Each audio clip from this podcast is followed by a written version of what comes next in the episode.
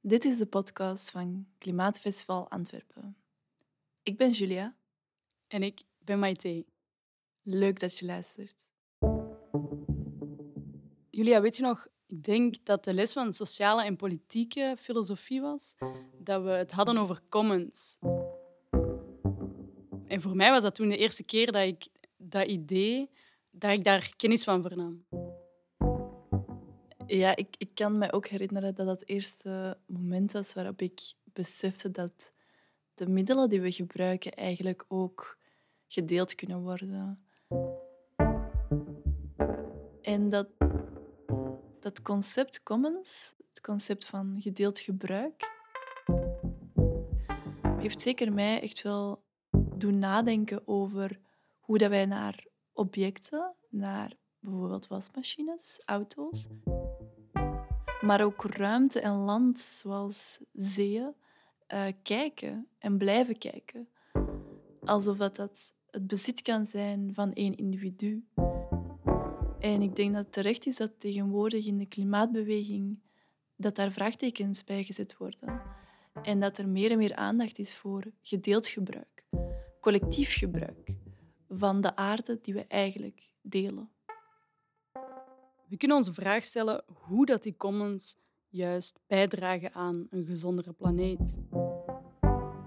Is de toekomst een gedeelde toekomst? Koen Wijnands van Commons Lab Antwerpen vertelt ons over burgerparticipatie, burgercollectieven en commons.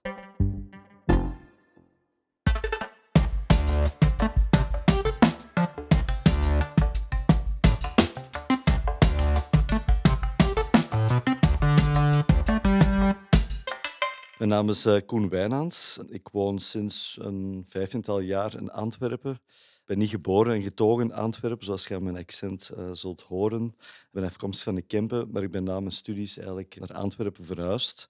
Ik woon eigenlijk al meer dan tien jaar in Antwerpen-Noord. Een wijk die heel sterk verschilt van de Kempen in heel veel opzichten. Uh, en dat was voor mij wel echt letterlijk een wereld die in open ging. En het is toch een wijk die mij al, al jaren intrigeert. Ik ben mij stelselmatig uh, wat beginnen engageren. Ik was zelf actief in de milieusector. Maar dan heeft dat toch wel wat jaren gevergd eer ik eigenlijk zoiets vond om mij te engageren. En dat was dan eigenlijk Antwerpen aan het woord. Dus uh, Antwerpen aan het woord uh, was eigenlijk ook een experiment dat in 2003 in Antwerpen is opgestart. Dat was in een totaal andere context. Ja, er was een gigantische politieke crisis in Antwerpen, de visa-affaire de toenmalige burgemeester Leona de Tiège is toen ja, heeft toen plaats moeten maken voor Patrick Janssens. Dat was allemaal niet zo heel goed gelopen, maar goed. Dan de verkiezingen uh, in 2006, met onder andere de 0 en 10 concerten, wat was toch een heel speciale periode. Toen zat er ook een speciale dynamiek in Antwerpen. En toen is Antwerpen aan het woord ontstaan. Dat was eigenlijk een experiment van de toenmalige minister van Grootstedenbeleid, Charles Piquet, en die wou experimenteren met participatie in verschillende steden in België. En toen in Antwerpen zijn er ook een aantal mensen beginnen experimenteren.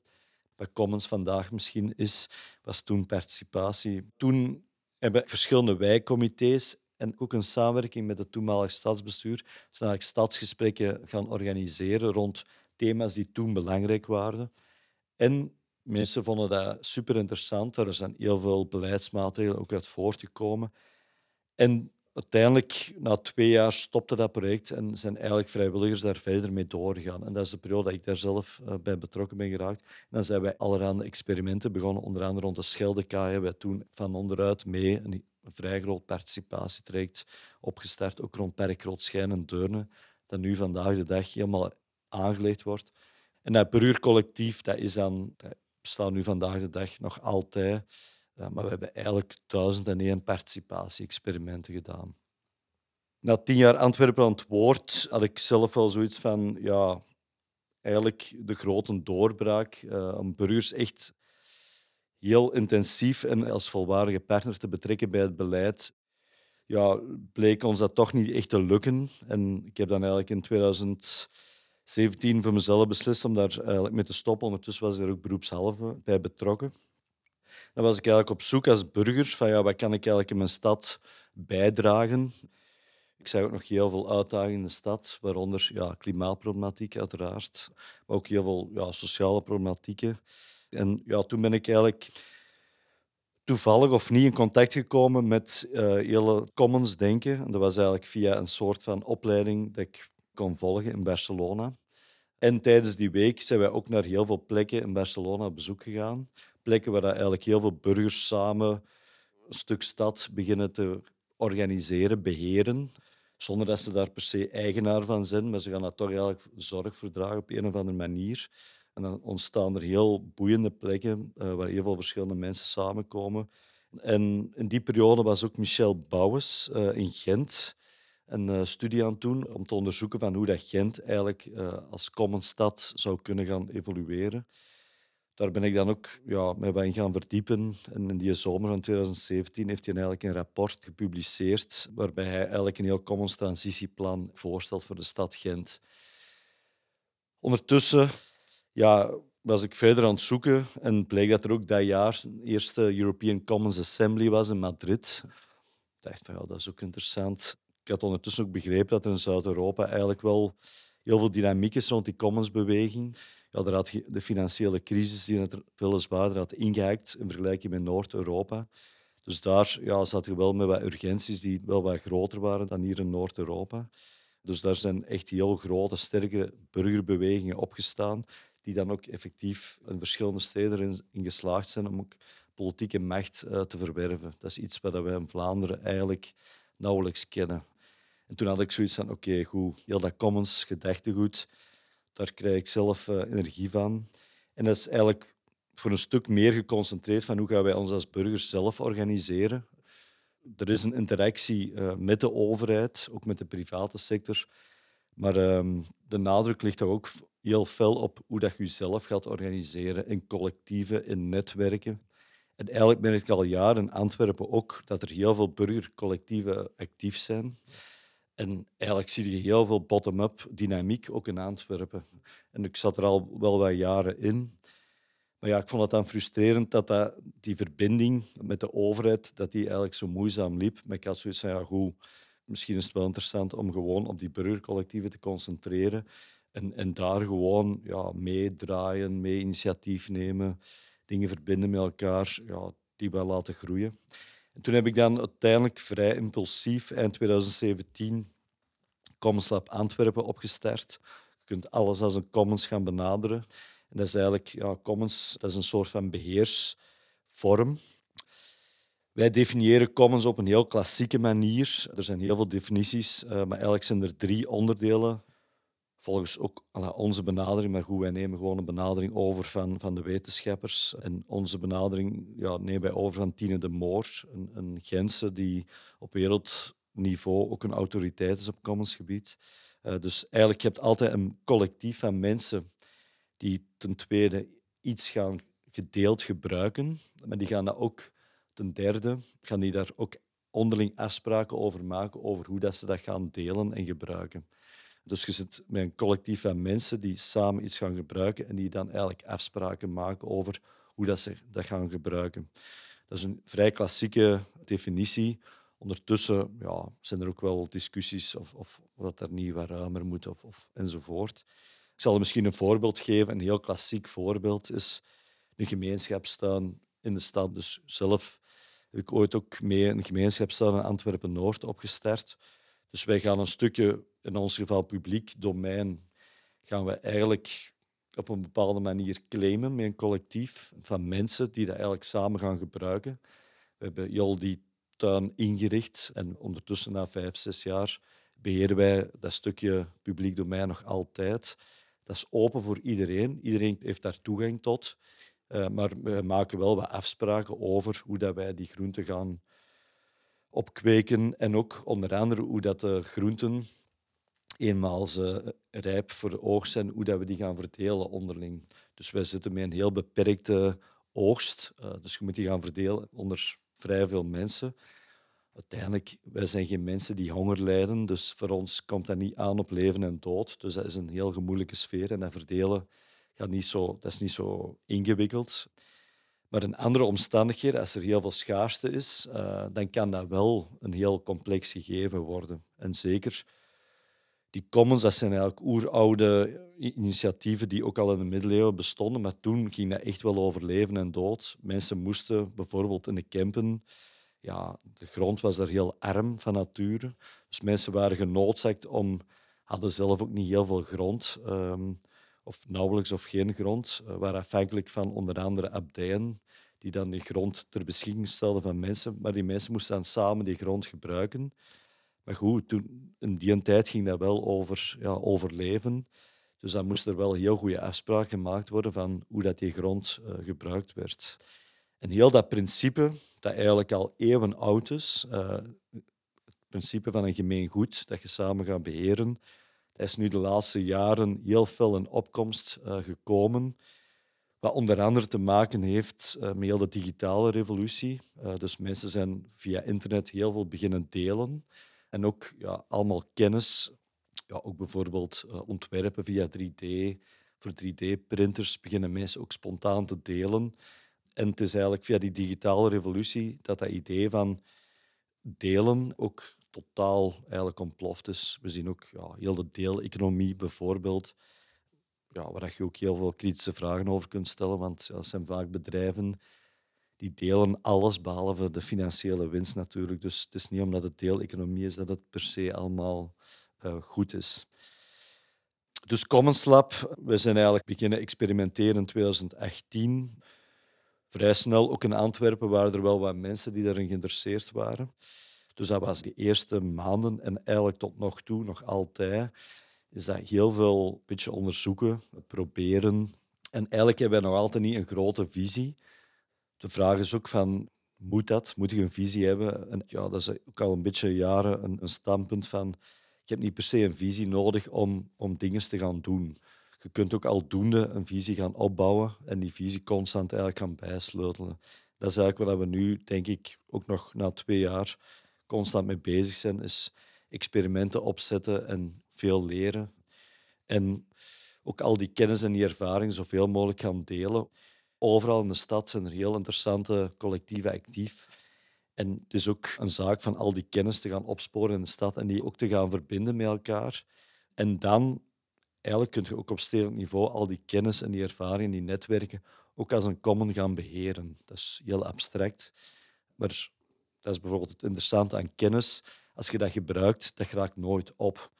Je moet eigenlijk zien van, ja, wat kun je als collectief aan maar je moet ook opletten dat je jezelf als collectief niet, niet opbrandt. Dat zien we heel vaak gebeuren in burgerinitiatieven en burgercollectieven. Dat die afbakening dat die eigenlijk niet goed loopt. En dat is ook iets dat Commoners eigenlijk ja, constant mee bezig zijn. Van hoe baken ik mijn initiatief af? Dat is eigenlijk principe nummer één in heel het Commons gebeuren. Is dat je een heel goede afbakening maakt. Ook op basis van de capaciteiten van wat je in je collectief hebt. En die capaciteiten die gaan zeker groeien als dat goed marcheert. Die afbakening dat is iets dat je ook constant kunt monitoren. Maar dat is wel een heel belangrijk iets waar dat in heel veel burgercollectieven en initiatieven heel vaak misloopt. We zien dat nieuwe initiatieven ontstaan, heel vaak een gigantisch enthousiasme, een dynamiek, een ambitie. Maar we zien dan heel vaak dat het na één jaar ook al implodeert en, en het geraakt niet georganiseerd. En vaak te veel ambitie, uh, wat op zich geweldig ook altijd is als je zo'n nieuwe collectieven ziet. Uh, maar als je die dan wat gaat ondersteunen, wat gaat begeleiden, het eerste wat je eigenlijk vaak moet doen is van, ja, probeert je scope veel kleiner te maken, begint heel bescheiden en gaat dan stap voor stap groeien. Dat is een heel klassieke... Ja, fout is geen goed woord, vind ik, maar dat is een valkuil waar heel veel burgerinitiatieven vaak in lopen. Uh, dus dat is ook een, een advies dat wij vaak geven. Ja, ik kan misschien wel verschillende voorbeelden geven uh, van burgercollectieven in Antwerpen. En dat is eigenlijk heel interessant. Je hebt er een gigantische diversiteit qua scope, qua thema, qua omvang. Je hebt bijvoorbeeld straatcollectieven. En eigenlijk heeft Antwerpen daar de afgelopen 10, 20 jaar een enorme cultuur rond ontwikkeld. We zijn een stad met honderden straatcollectieven. Dat is eigenlijk iets dat wij volgens mij te weinig waarderen.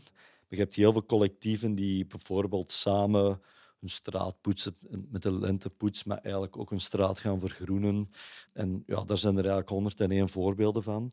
Dus een straatcollectief waar wij heel veel mee samenwerken, die eigenlijk ook een straat als een commons uh, aan het benaderen zijn. Dat is de Pieter Genaarstraat in, op de Kiel in Antwerpen, het BUMP-comité.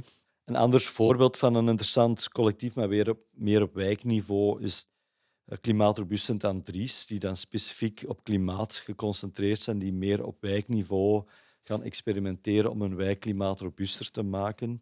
Ja, en dan heb je op stedelijk niveau ook collectieven, uh, zoals bijvoorbeeld een Ringland, uh, die dan specifiek met het grote mobiliteitsverhaal bezig zijn. Is Ringland een commons-initiatief? Daar kun je nog over discussiëren. En dan heb je eigenlijk ook bijvoorbeeld kunstenaarscollectieven. Ook in, in de culturele en de kunstensector zijn er eigenlijk steeds meer collectieven, omdat de situatie van de kunst- en de cultuursector natuurlijk altijd maar precairder wordt, altijd maar minder middelen. Ja, dat is eigenlijk ook het dilemma van commonsinitiatieven. Van, ja, des te schaarser dat de middelen worden, des te ja, vaker dat mensen ook gaan samenwerken en dat er, ja, dat er ook heel veel creativiteit ontstaat. En dat is ook het dubbele van, van heel de besparingen, bijvoorbeeld in de cultuursector. Ja, zie je eigenlijk ook heel veel nieuwe initiatieven ontstaan. En dat is een heel dubbel gegeven natuurlijk. En dat is ook een van de grote vraagstukken, met heel dat commons gegeven. Van, ja, de overheid heeft steeds meer of minder middelen. Uh, ze gaan de overheid constant eigenlijk op besparen.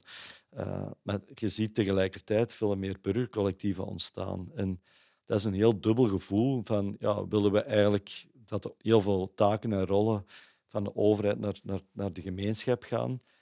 Dat is eigenlijk een, een voer voor een maatschappelijke discussie die eigenlijk nooit gevoerd wordt. Voor mij, heel dat commons gedachtegoed, wat ik daar heel intrigerend aan vind, is voor mij persoonlijk dat ik dat ten eerste al... Ik had er eigenlijk heel weinig van gehoord. Um, dus dat is eigenlijk een soort cultuur die dat wij eeuwenlang ook in Vlaanderen gehad hebben, maar die is eigenlijk bijna volledig verdwenen. Uh, en dat is eigenlijk een manier van denken. Delen, samen iets beheren. Ja, je dat nergens. Ja, dat gaat ook over solidariteit en dat soort dingen. Ja, dat is heel raar dat dat eigenlijk totaal uit ons denken is verdwenen. Ik, ik ga gewoon ook naar mezelf kijken.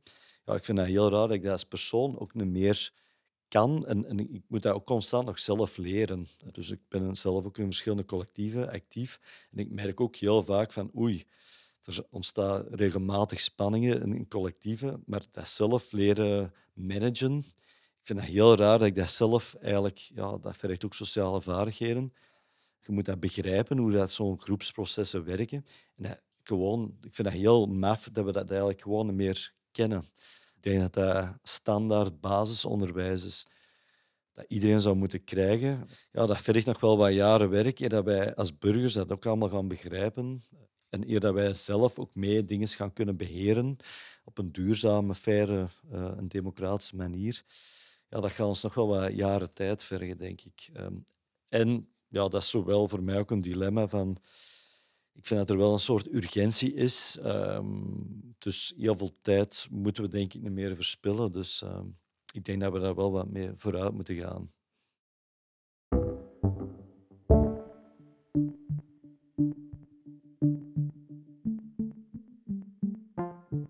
Je luisterde naar de podcast van Klimaatfestival Antwerpen, een project van Trobol.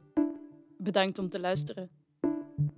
Meer informatie over Klimaatfestival Antwerpen vind je op www.klimaatfestivalantwerpen.be. Deze podcast is opgenomen in Muziekstudio De Kiem. Productie, muziek en opname door Kaat Schilds.